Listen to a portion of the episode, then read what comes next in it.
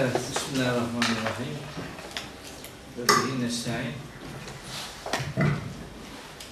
Uzun sayılabilecek bir aradan sonra bir günde çok gecikmeli bir saatte ancak gelebildim. Çünkü sınav vardı bugün sabah. Saat 12'de bitti maalesef. Kampüsten buraya gelmek orada sadece orada sınav olduğu zaman çok kalabalık oluyor. Yani arabayla oradan buraya bir saatte gelemiyorsunuz. Onun için geciktim, kusura bakmayın. Ama dün görüştüğüm kız kardeşim kim idiyse ona demiştim, 12 buçuktan önce gelemeyeceğim, öyle anlaşılıyor kimse diye. söylemedi hocam. Saatlerdir bekliyorum. Öyle mi? Evet, evet. Dün beni biri aradı burada, bir bayan kardeşimiz aradı. Hocam gelebilecek misiniz dedi. Ben de dedim ki ancak 12 buçukta gelebilirim. Gelemem çünkü sınav bitmiyor. Sorulması gerekirdi biz hocam. Ee, Yani böyle bir şey oldu. Neyse onun muhasebesini yapmayalım. Ara vermemin gerekçesini daha önce konuşmuştuk. Nisan ayı boyunca hamdolsun, şükür olsun Rabbime. Kutlu Doğum Haftası adı altında ama Kutlu Doğum ayına dönüşen bir e, organizasyon çeşitlilikleri yaşandı Türkiye'de. Ben de o vesileyle Hazreti Peygamber'i doğru anlayabilme noktasında onu Kur'an'ın inşa ettiği bir adam gibi anlatabilme ve anlayabilme noktasında 23 yerde konuşma yaptım. Nisan ayı boyunca. Hepsinden çok güzel izlenimler edindiğimi ifade etmek isterim. Hiç ummadığım yoğunlukta katılımlar yaşadım. Nisan ayı böyle geçti. Mayıs'ta rahatlayacağız diye hesap ettik. Fakat olmadı. Mayıs ayında da öyle görülüyor ki 9 tane konferansım olacak bu ay içerisinde ve bunlar da maalesef hafta sonları. Önümüzdeki hafta sonu Ankara'ya gideceğim. Ondan sonraki hafta sonu Zonguldak, ondan sonraki hafta sonu Bursa, Müdanya, İnegöl üçlüsüne gideceğim. Benim öyle anlaşılıyor ki Mayıs ayı boyunca hafta sonu Samsun'da olamayacağım. Ee, Duran Bey'le ayaküstü konuştuk. Ee, ne yapalım? Aslında ben buradaki bu birlikteliği ömrümün en güzel birliktelikleri sıralamasında ilk kategoriye koydum. Çünkü salt Allah rızası için, onun kelamını kavramak için e, bir fedakarlık olduğunu düşünüyorum. Bu fedakarlığı da sizin yaptığınızı düşünüyorum. Ben sadece mikrofon olmaya gayret ettim. E, Bunun aksamasını istemiyorum. Ben böyle olacağını da hiç tahmin etmiyordum başta. Ben düşündüm ki 10-15 kişi gelir, 5-10 dakika bir şey konuşuruz, onlar bıkar, ben yorulurum, olur biter diye hesap ediyordum. Fakat öyle olmadı. Bence Kur'an'ın bereketi bu ortama bütün yoğunluğuyla sindi Ee, ve doğrusu Kur'an adına memnuniyet yaşadığım ee, bir birkaç ay burada sizinle bulunmaya gayret ettim. Rabbim sizin de benim de amel defterimi inşallah şenlik tutsun. Ee, başka bir niyetimiz, başka bir beklentimiz elbette yok, olamaz. Ee, şunu itiraf edeyim. Bizim iddiamız böyle burada Kur'an-ı Kerim'in bütün surelerini a, aynı terminolojik hassasiyeti gözeterek hepsini anlatabilmeyi başarabileceğimi düşünmüyorum. Buna vakit el vermeyecektir. Ben sadece teberrüken 15-20 surelik bir Mekki sure motifi tanıtmak istedim. Ancak bunu da iki kategoriye ayırmayı düşünüyordum. Ancak birinci kategoriyi tamamlayabildiğimi hesap ediyorum. Kısa, kısaya yakın uzunluktaki Mekki surelerden epey okuduğumuzu sanıyorum. Yani Mekke'nin ilk dönemlerinin mantığının kavrandığını düşünüyorum. Diğer surelerde aşağı yukarı aynı içeriktedir. Aynı metodik yapıya sahiptir. O kısa, kısalığa yakın sureler. Bir de Mekke'nin uzun sureleri vardır. Onlardan da birkaç tane okumak isterim.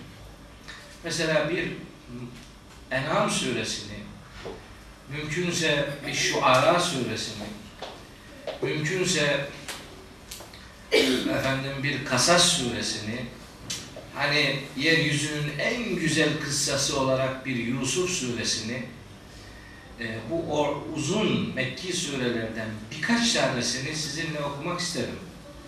Ama bu işin Mekke kısmı. Bence işin bayramı Medine kısmıdır. Mekke kısmı hep Ramazan'dır. Bayram kısmı Medine'dir. Medine'den de zaten toplam 28 suresi var Medine döneminin. Bunların da birkaç tanesini tanıtabilsem maksat hasıl olacak diye düşünüyorum. Yani anlatılmayı e, beklenen, bekleyen hususlar ana hatlarıyla kavranılmış olacaktır. Bir anahtar olsun istedim yaptığım iş. Yani Kur'an-ı Kerim'i nasıl anlamak mümkündür? Kur'an-ı Kerim'e nasıl bakmak onu doğru anlamanın öncülüdür? Onun pratik birkaç örneğiyle sizi buluşturmayı arzu ettim. Ee, yani anlaşıldığımı görüyorum. Derdimi iyi anlattığımı değil, sizin beni çok iyi anladığınızı hesap ediyorum. Öyle görüyorum. Bugün bile bu bu sayıda burada buluşmamız herhalde onu gösteriyor. Sizin Kur'an'a olan sadakatinizin bir ifadesidir bugünkü bu kalabalık. Eğer Kur'an'ı anlama noktasında ufacık bir katkımız olabildiyse bundan sadece mutluluk duyarım. Bir anahtar olsun diye anahtarı elinize alın ve Kur'an'ın bütün surelerinin kapısını açmaya gayret edin. Kur'an kendisinden yararlanılmasını isteyene ışık olacağını taahhüt ediyor. Cenab-ı Hak kitabının adını nur diye belirlemiş. Nur oluş, ışık saçmayı gerektiren bir isimlendirmedir. Bu itibarla şu üstümüzdeki ampullerin ışık verebilmesi için düğmenin açılması gerekiyor. Düğmeyi açmadan bunlar ışık vermez. Onun için Kur'an'ı açmak gerekiyor. Ama bazen düğmeyi açsanız bile ışık yanmayabilir. Çünkü cereyan yoktur. Cereyan olmadan düğmeyle ne kadar uğraşırsanız uğraşın gene ışık vermeyecektir. Kur'an'ı açtığımızda bizim cereyanımız Kur'an'ın hakikatlerinden yararlanma arzumuzdur. Bu niyeti ortaya koymadığımız sürece kitabı ne kadar açarsak açalım o bize ışığından göndermeyecektir. Ondan yararlanma arzusu, onu anlama, onun hidayet misyonunu kavrama arzusuyla Kur'an'a kim yönelirse bu ışık onu da etrafını da aydınlatacaktır. Nur oluş bunu gerektirir. Evet, e, Mekke'nin ikinci yarısı ile ilgili sureleri inşallah gene bir vesile oluşturarak bu yakın gelecekte e, birkaç örneğini olsun e, sizinle paylaşma arzusundayım. Ama hafta sonları bunun olamayacağı anlaşılıyor. Mümkünse hafta içi hafta içi e, bir akşam hafta içi müsaitim yani hafta içi e, anlamında herhangi bir eylemim yok. E, bu dönem ben bunun devam edeceğini düşünüyorum kendi kafamda. Siz o kararda mısınız bilmiyorum. Yani ben bu yazın gene bir ara verebiliriz. Hani Temmuz'unu, Ağustos'unu, Eylül'ünü hani ara verebiliriz ama Ekim gene buluşma zamanımız olsun. İnşallah. Allah ömür vermişse mesaisi Kur'an olanın yüzü karanlık kalmayacaktır. Yani bu mesaiyi diri, sağlam ve devamlı tutmak eee, bizim için önemlidir. Eylül'den sonra, artık Ekim'den sonra belki işin medeni sureler boyutuyla yakinen ilgilenme imkanımız olabilir. Ancak bu dönem için, Mayıs ve Haziran ayları için eğer organizemiz hafta içerisine herhangi bir gün,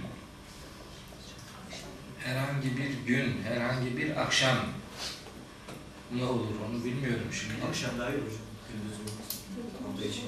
Akşam. Duran Bey nasıl düşündünüz? Nasıl düşünelim? Yani hafta içi gündüz mü olsun, akşam mı olsun?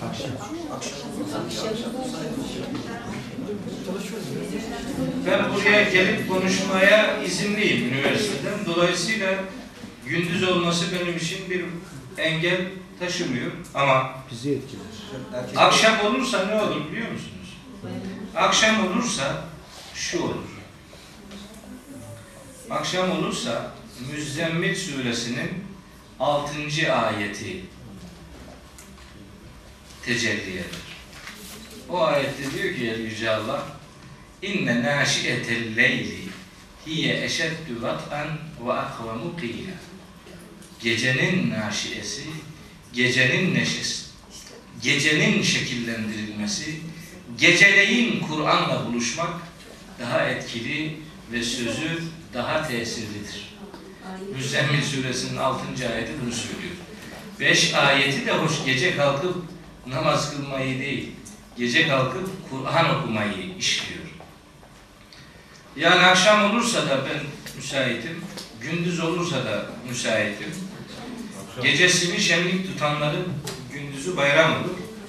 Geceyi uykuya geçirenlerin gündüzleri akşamki uykuyu düşünmeyle şekillenir. Başka hiçbir işe yaramaz. Evet. Arzum odur. Hafta içerisinde gene Mayıs ve Haziran ayı iki ay boyunca veya sadece Mayıs olabilir. Haziran'da insanlar sağa sola gitmek arzusu taşıyabilirler, meşguliyet olabilir. Mayıs'ta da olmayabilir yani işi komple Ekim ayına terk edebiliriz. Benim için o da mümkün. Yeter ki bir niyet izhar edilmiş olsun. Ben ben ben bir işe yarayacaksam bunu canıma minnet sayarım. Eğer bir işe yara- yaramak durumundaysam ondan hiç kaçmam. Ama mazeretler işte bazen böyle işi sekteye uğratıyor maalesef. Artık onu şimdi mi kararlaştıralım? Sonra kararlaştıralım. Birbirimizi bilgilendirelim. Nasıl istiyorsak. Mesela e, mesela Salı, çarşamba. Salıyı çarşambaya bağlayan akşam olabilir. Çarşambayı perşembeye bağlayan akşam olabilir. Perşembeyi cumaya bağlayan akşam olamaz. Olamaz biz meşgulüz. Yani olamaz. O, o benim bu il dışı seyahatlerimin hemen hemen tamamı cuma günüyle başlayacağı için ben perşembe akşamı yolda olacağım. Salıyı çarşambaya bağlayan akşam olabilir. Öyle salı uğursuzdur yok. Çarşamba bereketsizdir. Böyle saçmalıklara bizim hayatımızda yeri yok. Akşam Saati namazdan ne sonra. zaman isterseniz. Yani benim için hiçbir engel yok. Ha, çarşamba, çarşamba. Salı günü olmaz. Salı günü benim Kanal S televizyonunda Kur'an ışığında diye bir programım var. Gerçi o saat 7'de bitiyor. Ha, tamam. 7'de bitiyor. Ben oradan çıkıp buraya gelebilirim.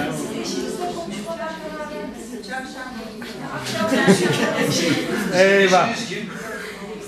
Allah sana yardım etsin. Ee, yani bu ailece yapılan bir iş olmadığı için tek başıma karar Bütün veririm. hafta sonları dışarıdasınız falan. Bir şey olmaz. Onunla evlenirken bunu şart koşmuştum. Bana seccadem ve kitaplarım yeter. Benden başka bir şey istersen başkasıyla evlen dedi. Vallahi ilk karşılaştığım gün bunu söylemiştim. Benim hayatım bu. Yani bu yapacak bir şey yok. Vay ha. ha harakiriler yok. Ha, nedir o? Kakaraki kiri dönemleri geçti. Biz anlamayız. Yani onlardan çok hiçbir şey kalmadı geriye. Yani çocuklar Ya yedi aylık bir kızım var, kızımı sevemiyorum bile. İşte yani Sağda solda. Ama olsun ben Kur'an'ın sevgisi beni onunla da ona yeterince zaman ayırmaya müsait hale getirecektir. Öyle inanıyorum. Salı günü akşam müsaitim. Yani televizyondan çıkıp buraya gelebilir. Hocam salı günü televizyon izleyebiliriz o zaman. Sekizde başla, sekizde gelirsin. Tamam işte mazeret varsa onu konuşalım işte. Çarşamba olsun.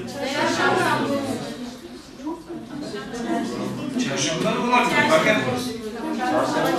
Pazartesi olsun. Yani bir engeli yok ki. Varsın pazartesi olsun. Hocam altı çıkış. Bu saat önemli değil. Hangi saat olursa olsun.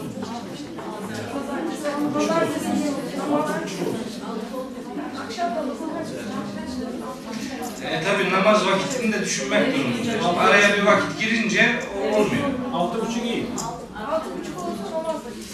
Bir buçuk saat sürse sekiz olur. Tamam. Bayanların çocuk derdi var hocam. Saat 6 gibi çocuklarımız okuldan geliyor ona göre şey yapın. Olmaz. Öğleden sonra. yani onu düşünerek yapın. Evet. O zaman sizden bir tane kopyalayalım. Gündüz bayanlara bize çekilen. Bilemiyorum yani ne yapalım. Ben nasıl bir tecrübesi olan bir adam değilim organizasyon işlerinde. Yedi olsun. Yedi, yedi buçuk zaten akşam geç. Burası açık oluyor mu o saatte? Açık oluyor. Burası açık. Yok şey açık mı? Dış kapıyı. Dış kapı sorun yok hocam. Sorun yok. Anahtar. O zaman saat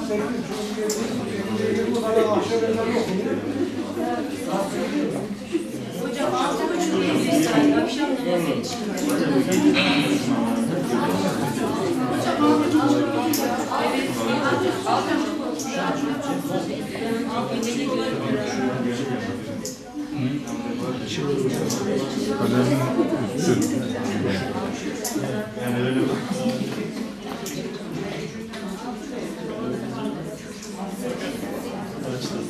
Çarşamba. Çarşamba günü bunu çarşamba günü yapalım. Bu hafta sonları ben sağdan soldan pazar günü akşam geleceğim. Muhtemelen pazartesi günü geleceğim için çarşamba günü saat 6 olsun. Çarşamba günü akşam saat 6 olsun. Çocuklar okuldan geliyor. Çocuklar okuldan tabii geliyor. Çocuklar alıp bir yere gelecek. İkisi de öyle gelsin. O, onu Altı buçuk olsun. Şu ilkeyi eğer ilkeleştirebilirsek zihnimizde sorunların hallolacağını düşünüyorum. Kur'an'ı mani saymalı. Kur'an'a mani saymamalı. Yani önce işimiz Kur'an'ı öğrenmek ise geri kalan işler ona göre ihmal edilmemeli ama düzenlenmeli. Düzenlenebileceğini düşünüyorum. O zaman hocam Çarşamba günü bundan sonraki üç hafta çarşamba günü yani 10 Mayıs, 17 Mayıs, 24 Mayıs ve oluyorsa 31 Mayıs veya 31 Mayıs kalsın. 3 hafta. Kalmasın. 31 Mayıs. 4 hafta iki büyük sure işleyebiliriz sanıyorum. İki büyük Mekki sure işleyebiliriz. Yani mesela çok büyüklerinden değil. Mesela bir Lokman suresi gider. Lokman suresi muhteşem bir suredir. Lokman suresi iki derste bitirilebilir. Bir de Hitamuhu Misk kabilinden bir de Yusuf suresini son iki ders işlersek eee, olabileceği haliyle ne kadar oluyorsa iki sureyi işlemiş oluruz. Ama bu arada yani o bıraktığımız sureler bizim asıl dersimiz olsun. Onları Ekim ayında yeniden kaldığımız yerden devam etmek kaydıyla onları bırakmayalım. Eğer bu ders devam edecekse ve belki birkaç sene devam edecekse sureleri elemeye gerek yok. Yani o sırayı takip edelim. Ara ara böyle aparatif türünden başka sureler araya sokuşturabiliriz. Ama genelde sistem mümkünse devam etsin. Ee, iki sure işleyelim bu yaz yaza girmeden. Lokman suresi ile Yusuf surelerini işleyelim. Sonra artık bir daha Ekim'de buluşmak üzere vedalaşalım diye. Bunun notunu alıyorum şimdi. Çarşamba günü akşam saat 6 diye. Tamam.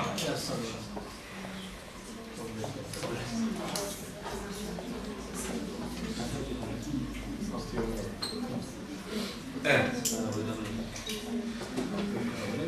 Şimdi şimdilik söylenecek başka bir şeyim yok benim. Sizin sormak istediğiniz yaptığımız işle ilgili olabilir, başka bir şey olabilir. Varsa cevaplayabilirim.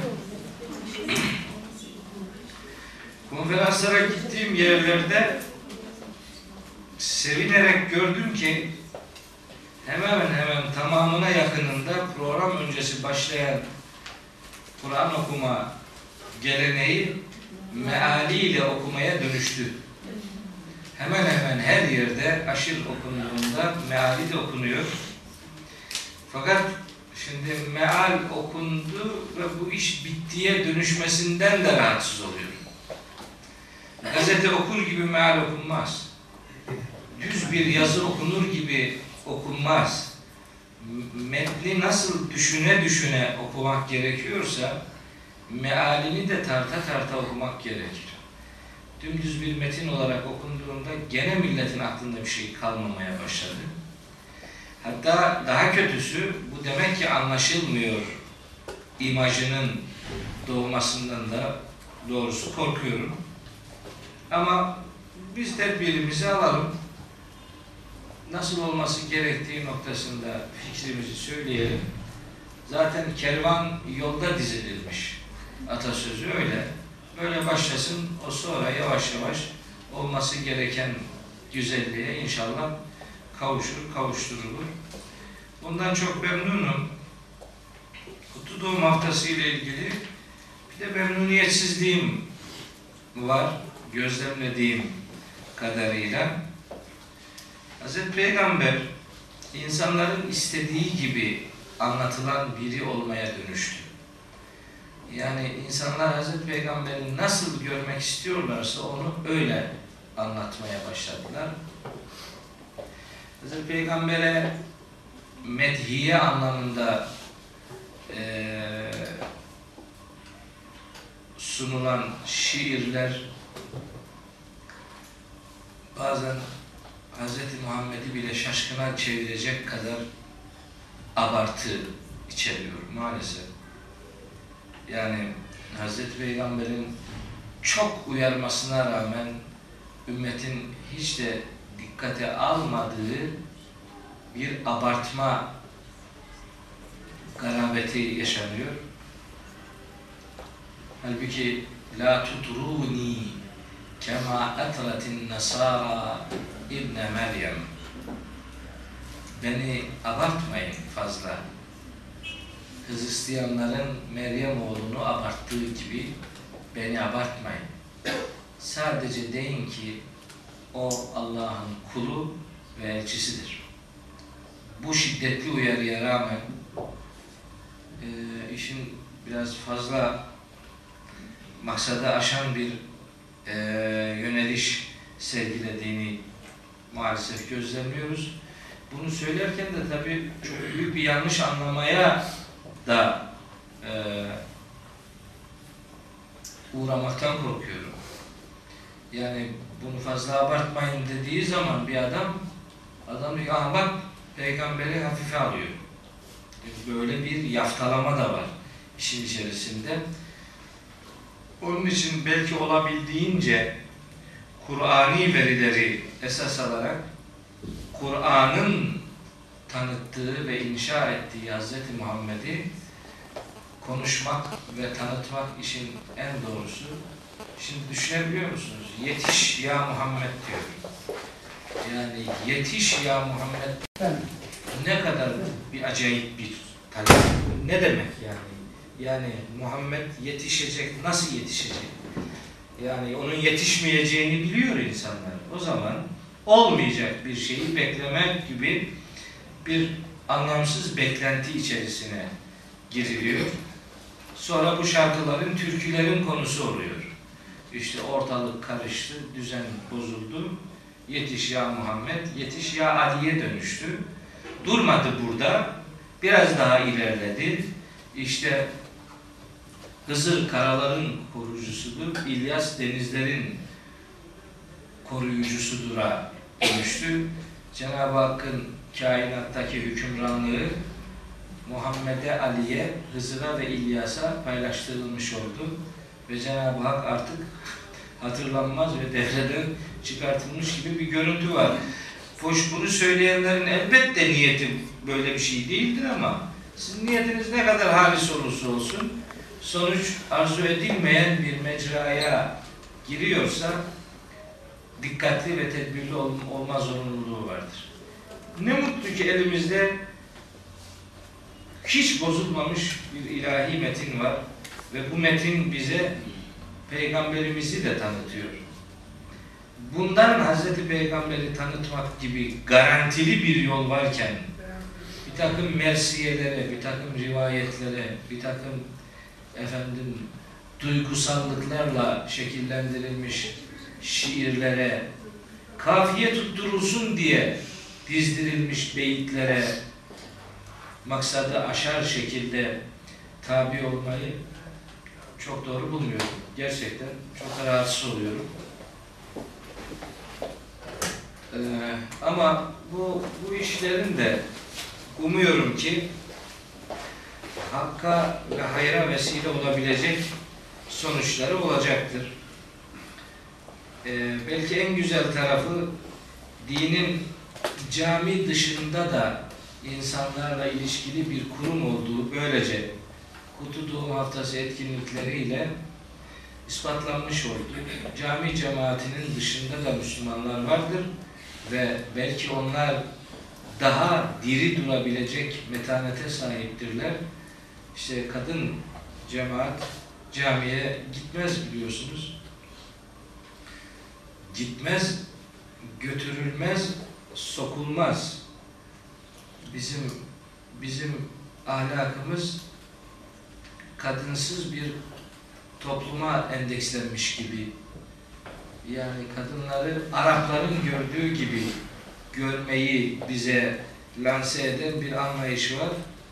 Dolayısıyla camiye gitmeyen, hitap edilen yerlerde muhatap durumuna getirilmeyen kadınların toplumda tabi bilgisiz kalması kaçınılmaz oluyor. Kadının bilgisiz olan toplumunda herhalde yarınının karanlık olacağı son derece açık, hiçbir denemeye gerek duymayacak kadar net bir sonuç. Onun için bu kutlu doğum etkinlikleri dini bilgilendirmenin cami dışında, salonlarda, açık havalarda ve başka organizasyonlarda da şekillendiriliyor oluşu daha topluca bir bilgilenme e, gayretinin ortaya konmasına vesile oluyor. Bundan memnuniyet duyduğumu ifade etmek istiyorum. Gittiğim bazı yerlerde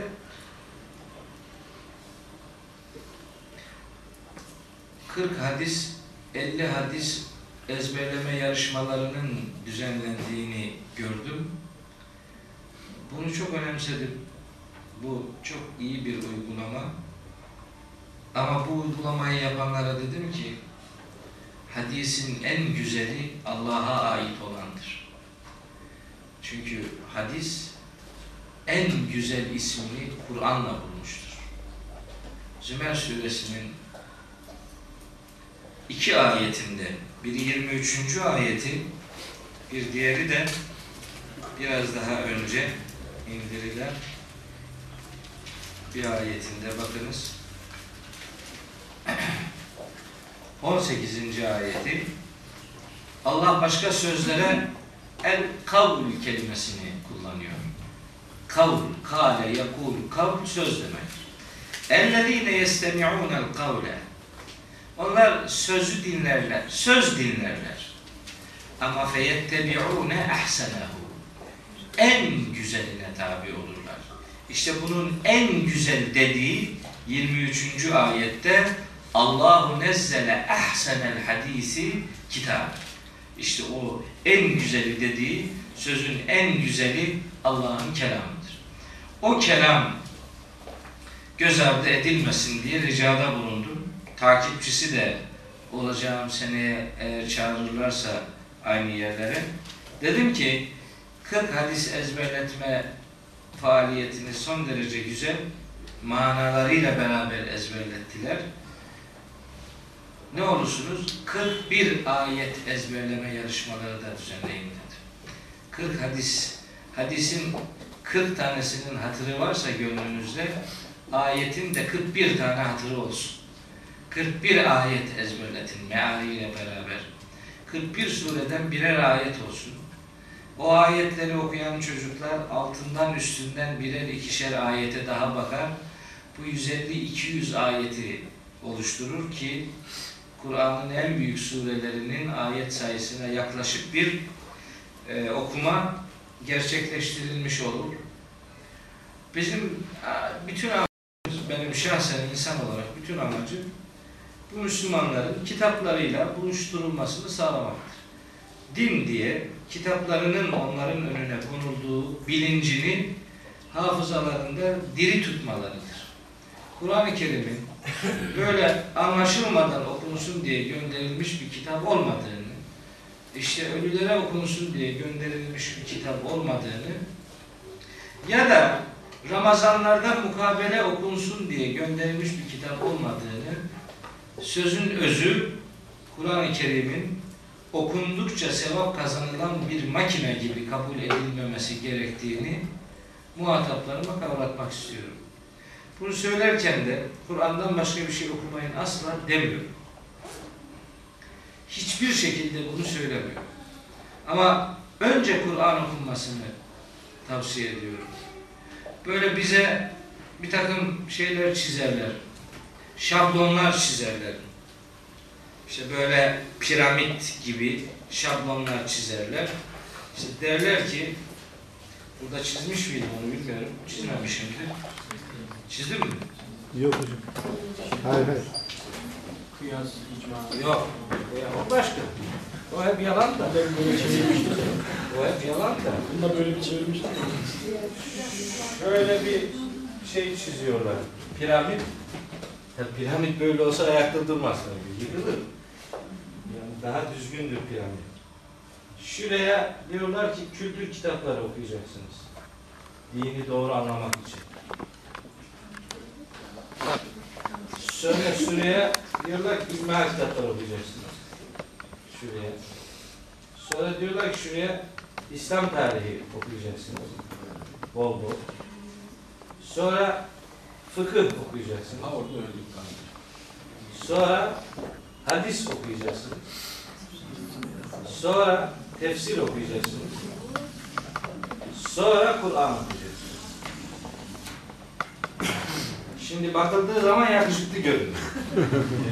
yani en tepede Kur'an layık olan yeri aldı.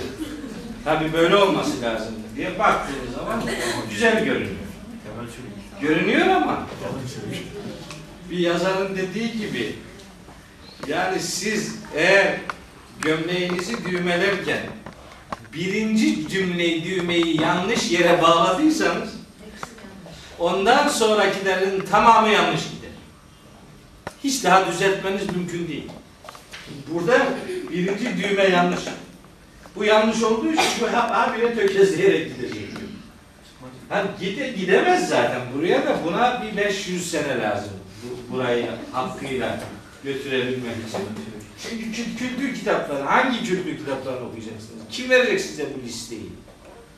Hadi onu geçsin diyelim. İlmihal. Kimin ilmihalini okuyacaksın? O kadar ilmihal var ki Türkiye'de 50'den fazla ilmihal var. Allah'ını seven ilmihal yazmış. Seven değil yani. Allah'ını sevdiğini iddia eden ilmihal yazmış.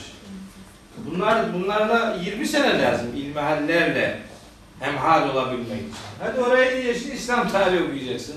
Kimin İslam tarihini okuyacaksın? Kim yazdı? Hadi fıkıh oku. Ne ne? Hanefi fıkhını mı okuyacaksın? Şafii mi? Maliki mi? Hanbeli mi? Zahid, Zahiri mi? Zeydi mi? Hadi bütün bunların hepsini geçin hadis okuyacaksın.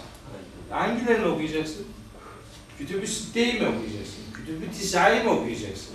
Ehl-i Sünnet'in hadis kültürünü mü okuyacaksın? Şii'nin Kütüb-ü Arba'aları var onların 125 cilt. Hadis kitapları var. 125 cilt. Bunları mı okuyacaksın? Hadi oraya da geçin tefsire. Ah, rivayet tefsiri mi okuyacaksın? Dirayet tefsiri mi okuyacaksın? İlmi, içtimai, edebi, işari, felsefi tefsirler var. Ahkam tefsirleri var. Ondan fazla çeşit tefsir var. Her birinin binlerce örneği var. Binlerce örneği var. Öyle az değil yani.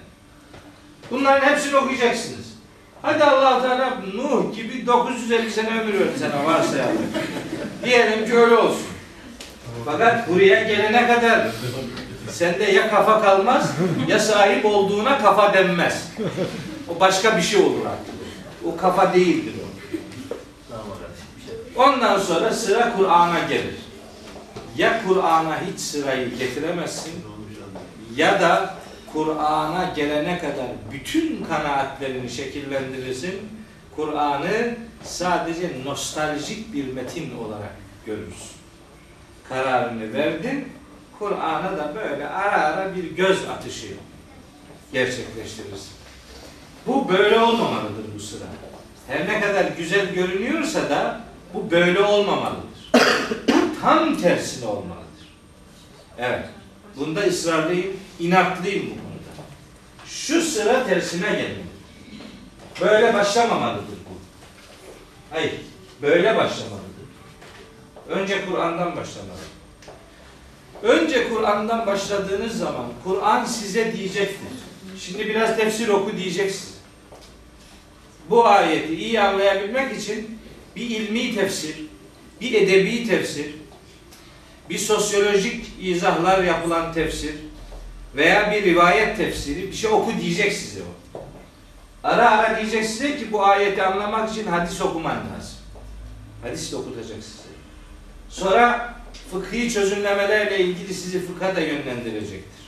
Sistematik sahibi olasın, sistematik bir anlayış sahibi olasınız diye Kur'an bunları reddetmiyor. Ama Kur'an dini kabuller noktasında bir ölçü mesabesinde bulundurulmak durumundadır. Yani asıl odur. Çerçeve odur.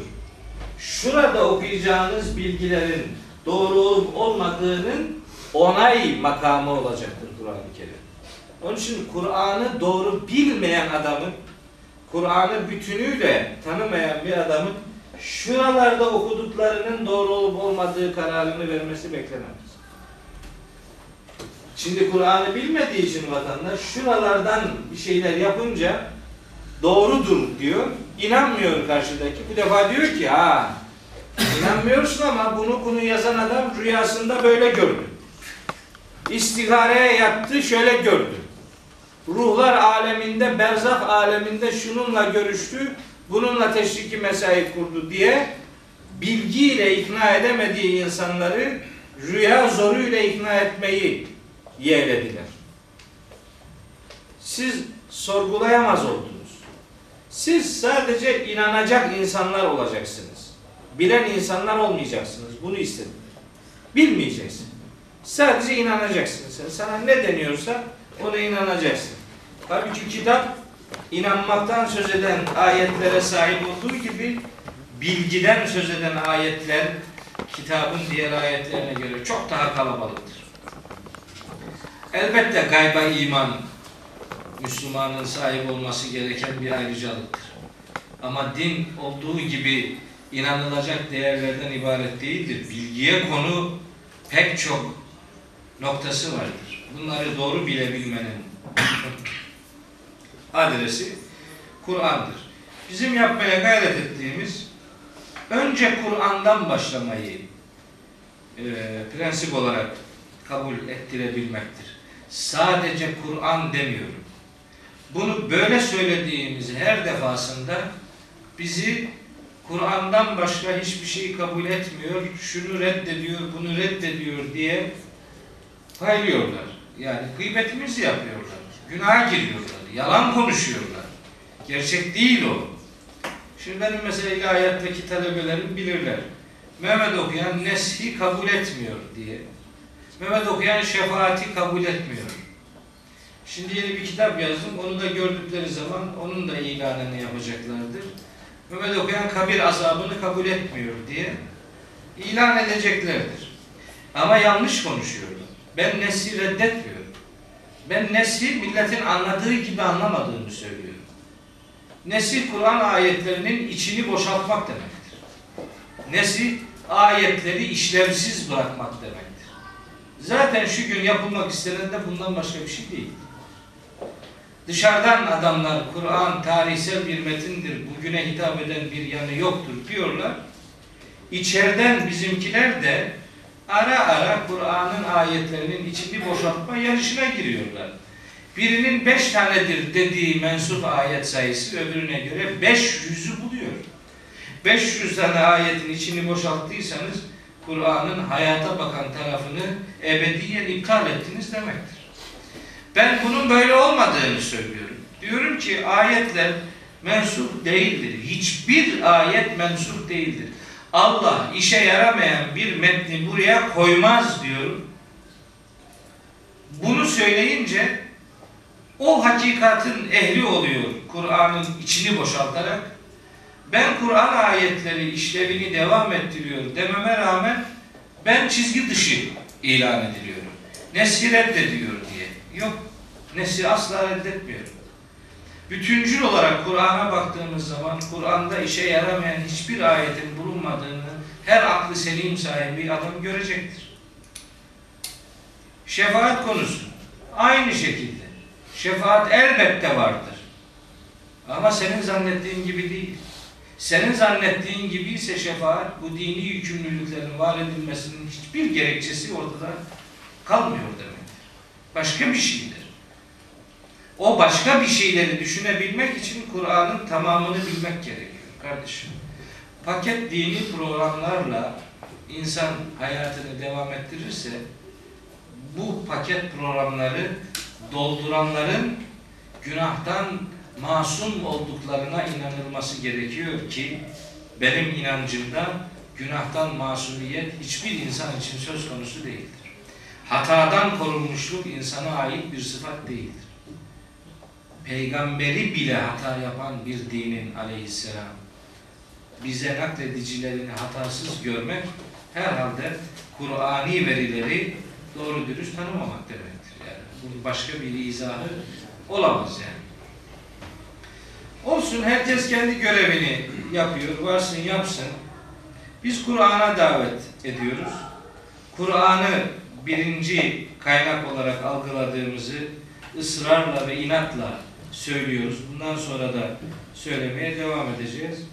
Ama Kur'an mutlak surette önemsenmesi gereken bir kitap olmasına rağmen Kur'an'dan konuştuğunu iddia edip de Kur'an'ı konuşmayanlar da var şimdi.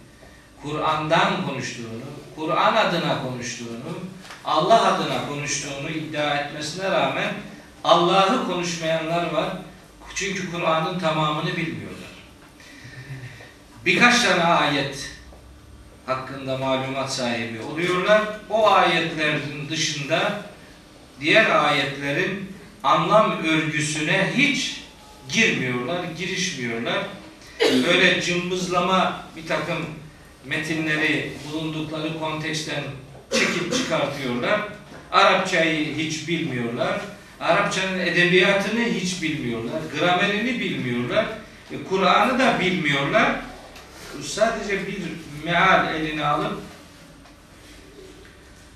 peygamberi gerçekten gerçekten işlevsi işlevi olmayan biri gibi hiç peygamberi dikkate almayan, hiçbir fonksiyonu olmadığı vehmini ortaya koyacak bir takım çıkışları da bu ülkede yaşıyoruz, görüyoruz. Biz öylesi bir peygamber anlayışını da Kur'an anlayışını da kabul etmediğimizi yineleyerek ifadeye gayret ediyoruz. Sadece bilinmesini istediğimiz Allah'ın kitabı pek çok konuda detay verecek kadar bilgi içermektedir.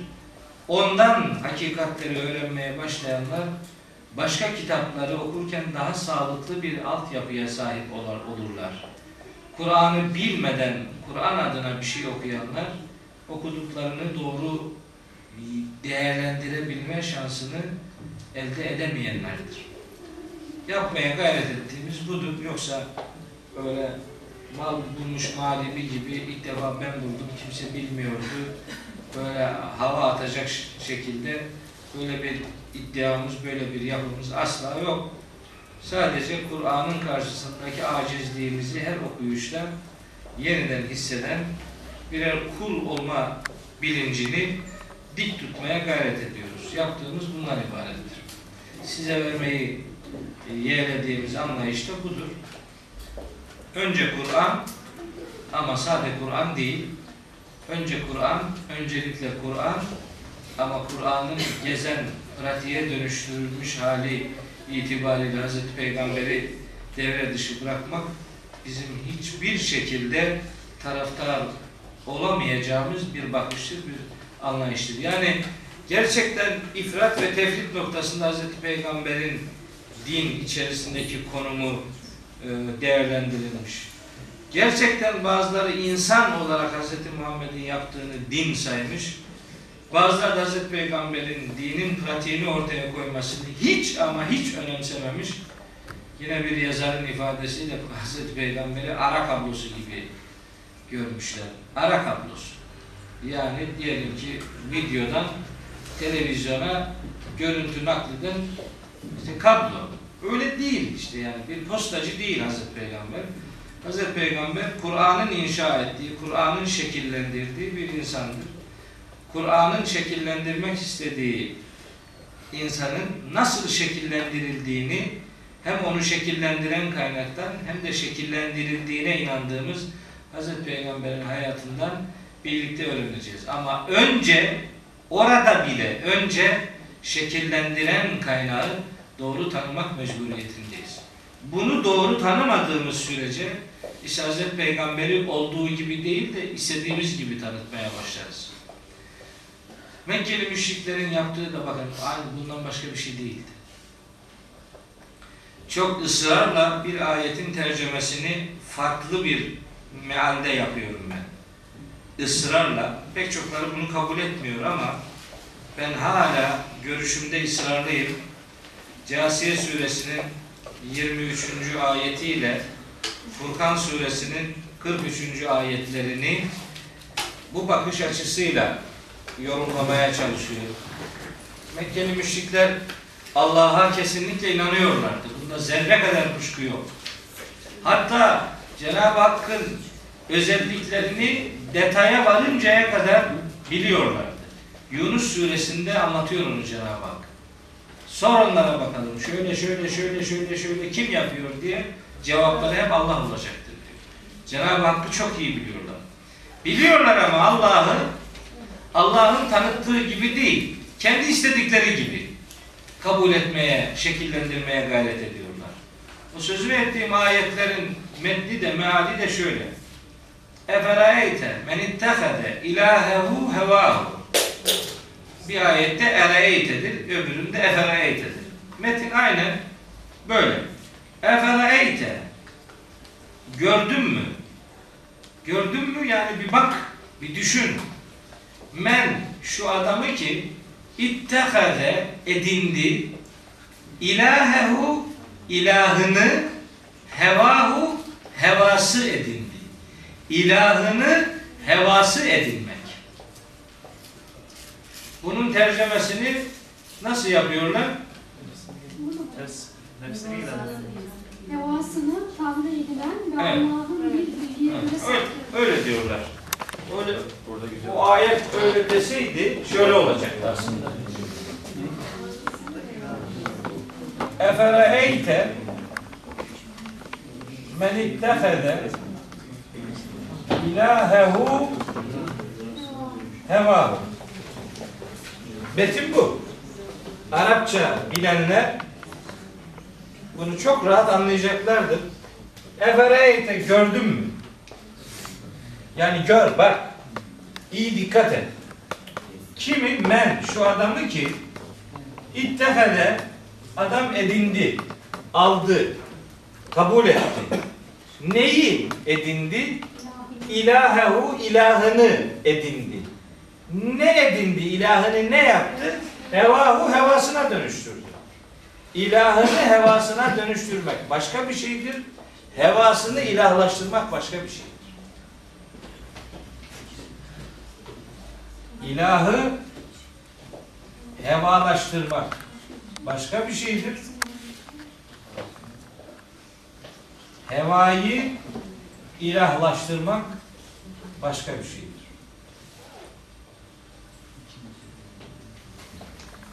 Hevayı ilahlaştırmak ne demektir? Nefsinin dediği her şeyi yapmak demektir. Onun için hayatında belirleyici olan başka bir güç yoktur. Onun ilahı yani onun üstün güç diye kabul ettiği sadece nefsidir. Onun başka bir kabulü yoktur yani. Kafasında Allah, Tanrı inancı yok adam. Bu tipik bir ateist bakışıdır. Her şeyi ben bilirim. Benim adıma başka hiç kimse karar veremez. Ben, ben, ben, ben. Başkası yok yani. Der. Fakat bakın bu ayetlerin indirildiği iki surede hem Câsiye suresi hem Furkan suresi ikisi de Mekki sureler bunlar. Mekke'de böyle Tanrı fikrine sahip olmayan adamlardan hiç söz edilmez. Onların hepsinin Allah inancı vardı. Hepsinin. Vardı ama işte şirk denen illetle malul idi onların bu inanışı. Yani Allah var, bir de Allah'ın altında başka ilahlar var. Dûlillah, dununda, Allah'ın dununda Allah'tan başka diye tercüme edilir. O da yanlıştır. Allah'ın aşağısında, daha altında. Çünkü Allah'a inanıyor adamlar. Allah inancı hepsinde var. Allah'a inanmıyor olsa bunlara müşrik denmez, kafir denir. Müşrik zaten bir şeyi başka bir şeye ortak ilan etmek demektir. Şirketler, ortaklık bu anlamdadır. Müşrik inandığı varlığa başka varlıkları ortak ilan edenler için kullanılır. Şimdi bakın bu ayetlerin, şu ayetlerin indirildiği ortamda sözü edilenler müşriklerdir. Müşrik bir adam şunu söylemez. Yani müşrik olan bir adam için şu söz söylenmez. Hevayı ilahlaştırmaz onu. Niye? Burada çünkü ilah anlayışı yok adamın kafasında. Tanrı diye bir üstün güç kabul etmiyor bu adam. Öbüründe ise ilahını hevalaştırmıştır. Evet. İlahını hevalaştırmış. Yani Allah'ı biliyor. Allah'a inanıyor ama Allah'ı Allah'ın kendisini tanıttığı gibi kabul etmiyor. O Allah motifinin, inancının içini kendisi dolduruyor. Diyor ki benim Tanrım en tepede durur. Arada kızları vardır. Melekleri kızlarıdır onun. O kızları aracılığıyla işte şunu yapar, bunu yapar, şunu yapmaz, öyle eder, böyle eder. Biz de o melekleri aracılığıyla ona ulaşmaya gayret ederiz. Böyle Allah inancını kendileri şekillendiriyorlar. İnandıkları Allah'ın kavramsal olarak içini kendileri dolduruyorlar. İşte buna ilahını hevalaştırmak denir. İlahı ilah gibi kabul etmemek. İlahı beşerileştirmek. Allah'ı Allah'ın tanıttığı gibi değil. Allah'ı kendisinin istediği gibi şekillendirmek. Aslında ayıplanan işte budur. Şirkle onun için mücadele eder Kur'an-ı Kerim. Bakın aynı anlayış şu gün Peygamberimiz için de yapılıyor. Benzer bir şekilde. Hazreti Peygamberi tanıtan ve inşa eden Allah'ın onu tanıttığı ve inşa ettiği gibi anlamıyor insanlar. Kendisi nasıl istiyorsa öyle anlatıyor. Allah'la gidiyor, oturuyor peygamber, konuşuyor, muhabbet ediyor. Yüz yüze bakıyor. İşte böyle bir şeyler. Allah onun fikirlerine danışman olarak ara sıra müracaat ediyor. Allah ona aşık oluyor. Böyle bir acayip. Bunlar Kur'an'i şeyler değiller. Bunlar insanların peygamber motifini içini kendilerinin doldurduğu bir motif haline getirdiler. Bu çok büyük bir ifrattır. O çok büyük bir ifrattır. Burada şu ayetin tehdit ettiği türden büyük bir yanlışlığı görmek durumundayız. Onu görebilmenin yolu Kur'an'ı ve onun mantığını iyi kavramaktan geçiyor. Yapmaya gayret ettiğimiz Kur'an'ın bu yapısına dikkat çekebilmektir. Kur'an'ı tabi doğru anlamak çok önemli. Yani Kur'an'ı şimdi şu ayeti düşünürken mesela bu ayetin nerede indiğini bilmezse bir adam bu ayetin kimlerle ilgili indiğini bilmezse bu detayı nasıl yakalayacak? Sadece gramerle olmuyor işte. Gramere baksan İttehade kelimesi iki mef'ul alır Arapçada. İki tane nesnesi vardır yani. Birincisi direkt nesnedir, ikincisi tümleştir. Sıra onu gerektiriyor. Fiil, fail, mef'ul. Türkçe'de işte eylem, özne, e, yüklem diye basit cümle şeklinde yüklem bazen eylemin nesnesi de olacak şekilde programlanır.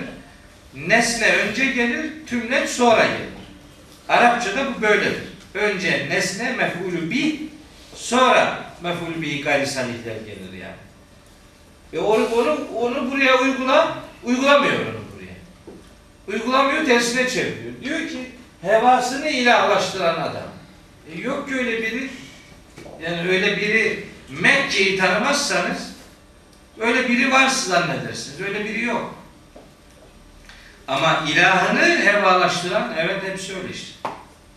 Allah'a çocuk isnadından tutun da ilah ortaklığına varıncaya kadar ahiret anlayışını şekillendirinceye kadar pek çok motivasyon işin içerisine sokulmuştur. İşte böyle hatalardan kurtarabilmenin yolu kararını önce Kur'an'dan vermekten geçiyor bence. Yani önce Kur'an'ın mantığını kavrarsa bir adam daha sonra okuyacağı kitapların nerelerde hata yaptığını, nerelerde isabet ettiğini kolaylıkla anlar. İşte ben beni çok eleştirirler. Ara odama gelen arkadaşlar da görüyorlardır. Ben fazla kitap okumam. Yani yok öyle bir kitap okuma alışkanlığı. Öyle ufak kitapları okumam. Niye? Çünkü halihazırda o kitapların yazdığının doğru olup olmadığını din adına ölçülebileceğim yeterince bir Kur'ani kültürü halihazırda edinebildiğim kanaatinde değilim. Bilmiyorum adamın yazdığı şeyi. Nasıl karar vereceğim ben şimdi onu doğru deyip doğru olup olmadığını nasıl anlayacağım? Onun onu değerlendirebilmek için elimde çok güçlü bir efendim cetvelin olması lazım. Bir aynanın olması lazım. Onu oraya vurmam lazım benim. Onu oraya vurabilmek için işte önce bunu yakinen tanıma ihtiyacı hissediyorum. O çok eleştirildiğim noktalardan biridir. Fazla kitap okumuyor diye. Evet böyle. Fazla başka kitap okumuyor diye eleştirilirsem kabul ederim. Ben çok fazla kitap okuyorum aslında. Ben herkesten daha çok okuyorum. Çünkü herkesin okuduğu kitaplar işaret parmağıdır. Ben onların işaret ettiği yeri okuyorum. Bunun işaret ettiği yer Kur'an'dır. Din adına yatılan bütün kitaplar Kur'an'ı işaret ederler. Millet işaret parmağına bakıyor, parmakla uğraşıyor. İşaret ettiği yere bakmıyor. Yani cama bakıyor, camdan dışarı bakmıyor. Ben camdan dışarı bakılmasından yanayım. İşaret parmağının işaret ettiği yere bakılmasından yanayım. Ben onunla uğraşıyorum. Hala hazırda kendimi daha yeterli görmüyorum. Onun için daha gece sabahlara kadar Kur'an'la uğraşıyorum. Başka işler, başka konular olduğu zaman da kemali edeple dinlerim yani. Dinlerim. Hiç de müdahale etmem.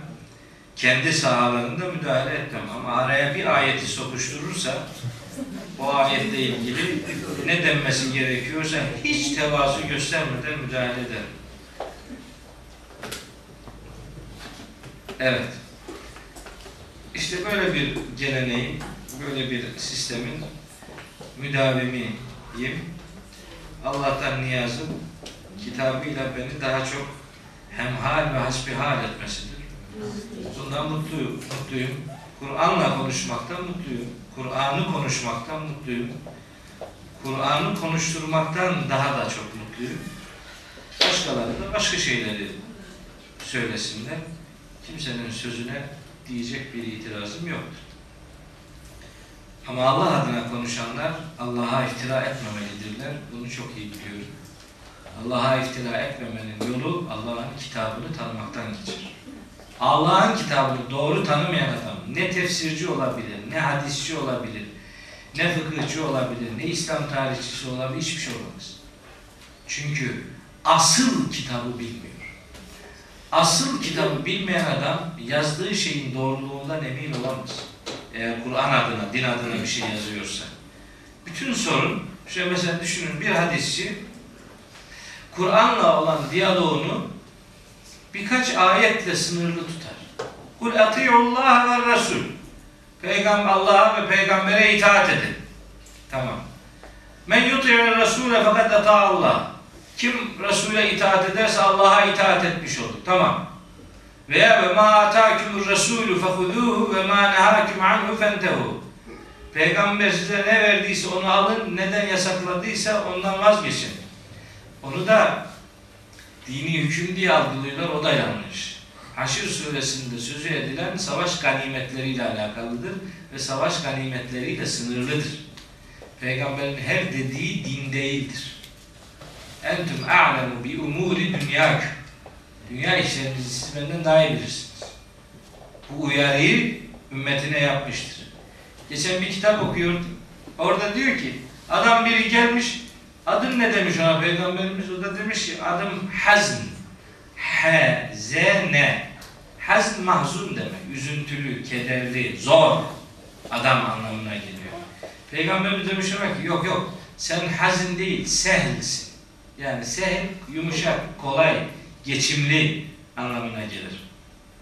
Adam demiş ona ki bu ismi bana babam verdi. Hiç değiştirecek değilim. Zorlama. Adam adını niye değiştirsin? Yani bir adamın adını küfür içerecek şekilde bir kelime değil, başka bir kelime şekillendirmişse ona peygamber müdahale etmez. Niye etsin yani? Biz bunları da din zannettik.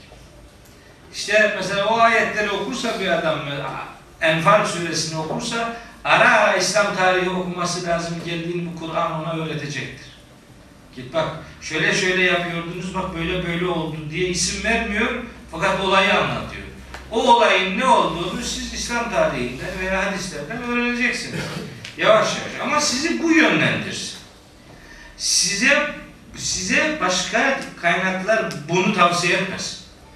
O istediği gibi tavsiye eder. Ve bunu artık yanlış anlamaya neden olabilir. Böyle bir ön yargıyla bakmak dağı bir yüzün bir yüzünden görmeye benzer. Dağı bir yüzünden görmek dağı tanımaya yetmez. En az üç tarafı bilinmiyor demektir. Tek taraftan bakıldığı zaman dini dünyaya topluca, etraflıca bakabilmenin yolu o dünyayı doğru tanıtan Kur'an'dan tanımaktan geçer. İşte bizim yapmaya çalıştığımız ne kadar yapabiliyorsak işte budur. Bu yol zor bir yoldur. Ben doğrusu çok zor bir yolu tercih etmişim. Başlarken böyle bir yol olduğunu bilmiyordum. Çok kolayı vardı bunun.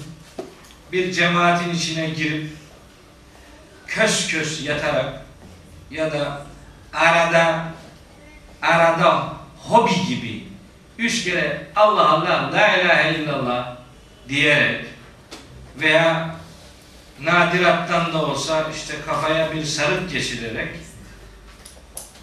veya yüzüne hiç jilet vurmamayı dinin en önemli gereği gibi kabul edip de işte sakalıyla habire övünerek ya da giydiği şalvarını her şeyi halleden bir giysi gibi algılayarak veya yarım metre kazık gibi misvakı dinin her şeyi gibi tanıtarak efendim veyahut da birinin okuduğu bir başkasına ait kitabı okumayı her şeyi okumakla eşdeğer sayarak bu dini hayat geçiştirilebilirdi. Bu çok da kolaydı. Yani bir şalvar giymek çok zor bir şey değil. Sakal bırakmak da zor bir şey değil. Evet. Sarık takmayı namazın 27 derece daha kaliteli hale getireceği zannıyla teker gibi sarık saranlar var. Koca sarık kafasına tabi 27 derece daha sevapmış. Hiç zannetmiyorum. Bunlar kolay şeyler, kolay. Çok kolay. Bunun zoru Kur'anileşen bir hayat yaşamaktır. Bunun zoru budur ama istenen de budur. Öbürü gibi olsaydı bak Abdullah İbn Sebe var ya çok anasının gözü bir adam. Acayip zeki bir adam. Gerçekten çok zeki bir adamdı. Hazreti Peygamber'in veya Hazreti İsa'nın gökten geleceğiyle ilgili konuları tartışırken demiş ki bu Hazreti İsa'nın geleceğini bekleyenlere şakıyorum demiş.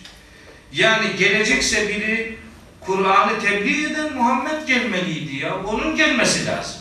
Hatta onun geleceğine Kur'an işaret ediyor diyor. Kasas suresi 86. ayeti okuyor. Orada şey innellezî ferada aleykel Kur'ane lerâddüke ilâ me'âd. Sana Kur'an'ı bahşeden Allah seni döneceğin yere elbet döndürecektir. O Mekke'ye yeniden dönmeyi ifade eden bir ayettir. Onu Abdullah bin Sebe şey yapıyor. Onu dünyaya yeniden döndürmek diye anlatıyor. Şimdi bu münafık tabii. Bu, bu muhteşem bir münafık. Fakat münafık ama münafık aslında inanmıyor fakat garibim ya belki de yani ya varsa ne yapacağız diyor. Sıkıntı, dert, büyük dert. Onun için diyor ki ölümü yaklaştığında ölmek üzereyken oğlu tabi oğlu iyi bir Müslüman oğlu gelip babasına diyor ki her şey babası oğluna diyor ki peygambere git söyle öldüğümde benim kefenimi kendi urbasından yapsın. Kendi gömleğini bana, bana kefen yapsın. Ve namazımı da o kıldırsın. E, hem inanmıyorum ama bir taraftan da ya varsa ne yapacağız diyor yani. Belki de vardır. E belki de varsa bir hırka işi görür. Öyle zannediyor. Peygamberimiz de veriyor ona hırkayı ya. Yani hayret, çok, çok hayret ediyorum. Yani nasıl? Abdullah İbni Sebe'ye hırka mı verilmiş? Ya Ben ona günahımı vermem yani.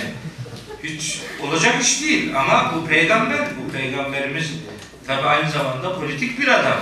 Yani siyaseti, devlet idaresini bilen, bir devlet başkanı kimliğiyle hareket eden bir insan olduğu için muhtemelen yani avanesini e, memnun edebilme noktasında onları bir çeşit tebliğ buluşturabilme noktasında herhalde bir e, stratejik bir karar veriyor. Dini bir karar değil o. Stratejik bir karar. Sanıyorum yani. Öyle bir şey. Ama tam namaz kılarken, namazını kıldıracakken işte Muhammed'i Muhammed gibi bırakmayan Allah müdahale ediyor. Bakın açtım tam orası çıktı. Vallahi. tam, tam açtım vallahi orası çıktı. Tevbe suresi 84. ayet. Ayet diyor ki ve la tusalli ala ahadin minhum mate ebeden ve la takum ala kabri. Ee, onlardan herhangi biri öldüğü zaman ebediyen ölen o adamla ilgili onun namazını kılma, kabrinin başında sakın ha durma. Hz. Muhammed kendine kalsaydı belki de kıldıracaktı namazını. Hocam tefsirlerde Evet. kıldırdığına dair görüşler var. Bazı tefsirlerde de kıldırmadı. Mesela Seyyid Kutup kıldırmadığını söylüyor. Hayır kıldırmış olamaz. Asla kıldırmış olamaz. Bu emir sakın onun namazını kılma ve kabrinin üzerinde durma. Niye öyle yaptın dediği türden ayetler vardır başka fiillerle alakalı.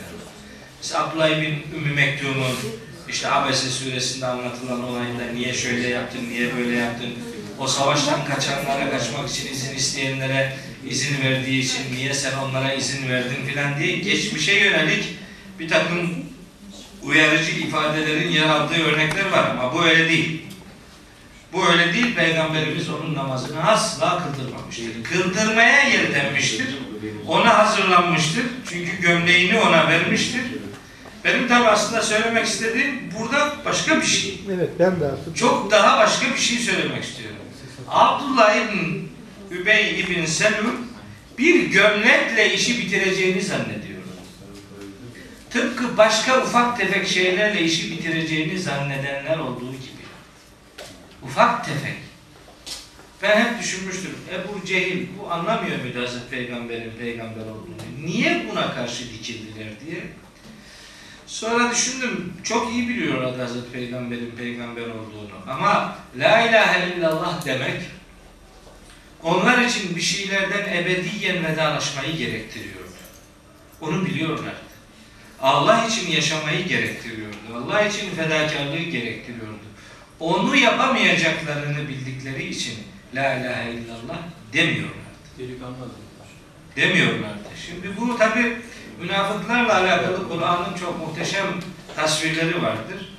O tasvirlere bakıldığı zaman nifak denen inanç bozukluğunun küfürden daha ağır, daha alçakça bir ahlaksızlık olduğu Kur'an'la tescillenmiş.